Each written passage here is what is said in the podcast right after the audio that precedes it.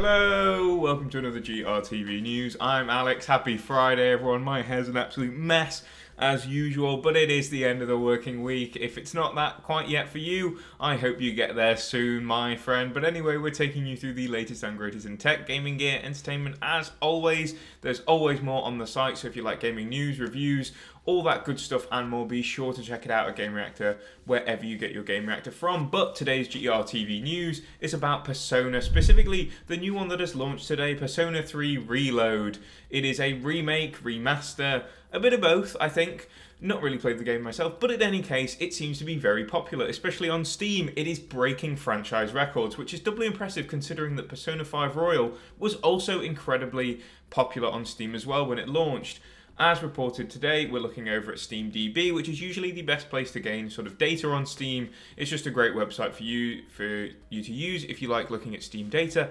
And it seems that we're already hitting 42,000 players. Now, I know that that might not sound like a lot when you remember that Palworld is reaching 2 million concurrent players at whatever time and Starfield had 200,000 or whatever, but Persona is quite a small franchise, especially in the West.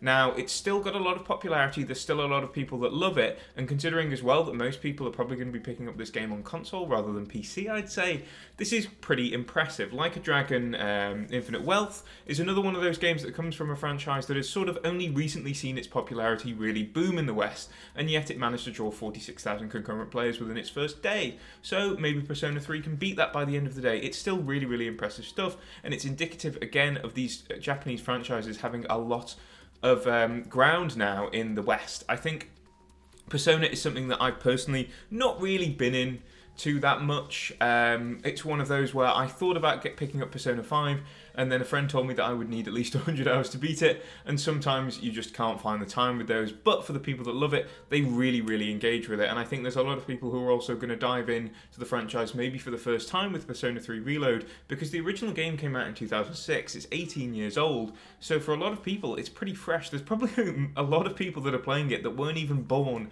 when the game first released, which is going to make you feel old on this Friday. I'm very sorry if it does, or it might make you feel young, because you might even be one of those people.